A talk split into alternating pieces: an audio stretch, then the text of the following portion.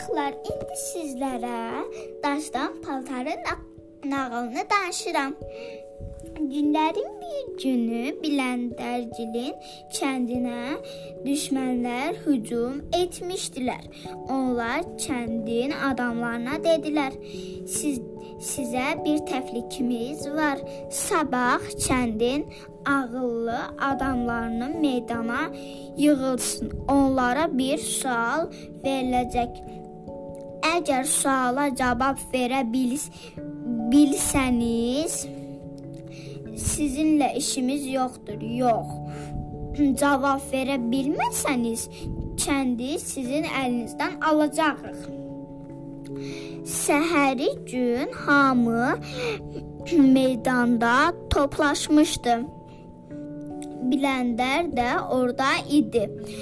Düşmənlər düşmənlər əskərləri böyük da bir daşı darta-darta meydana gətirdilər. Bizim padşahımız əmr etdi ki, bu daşdan ona paltar tiksin. Diksin hamı təəccüblə bir-birinə baxdı. Necə daşdan paltar olar? Biləndər irəli gedib dedi: "Daşdan paltar düzəltmək mənim üçün çətin deyil, ancaq iynəm, sapım qutarıb." Sonra sonra yerdən bir ovuc qum götürdü.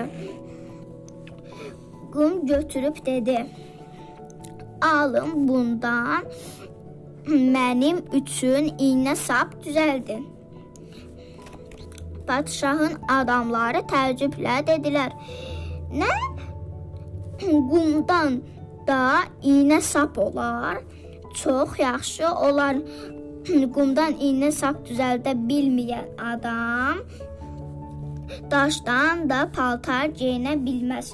Padşahın adamları pərt olub geri qayıtdılar. Hamı Biləndərin hazır hazır cavabına heyran oldu. İndi uşaqlar, nağılımız qurtardı. Göydən üç alma düşdü. Biri nağıl söyləyənin, biri mənim, birisi də sizin. Sağ olun.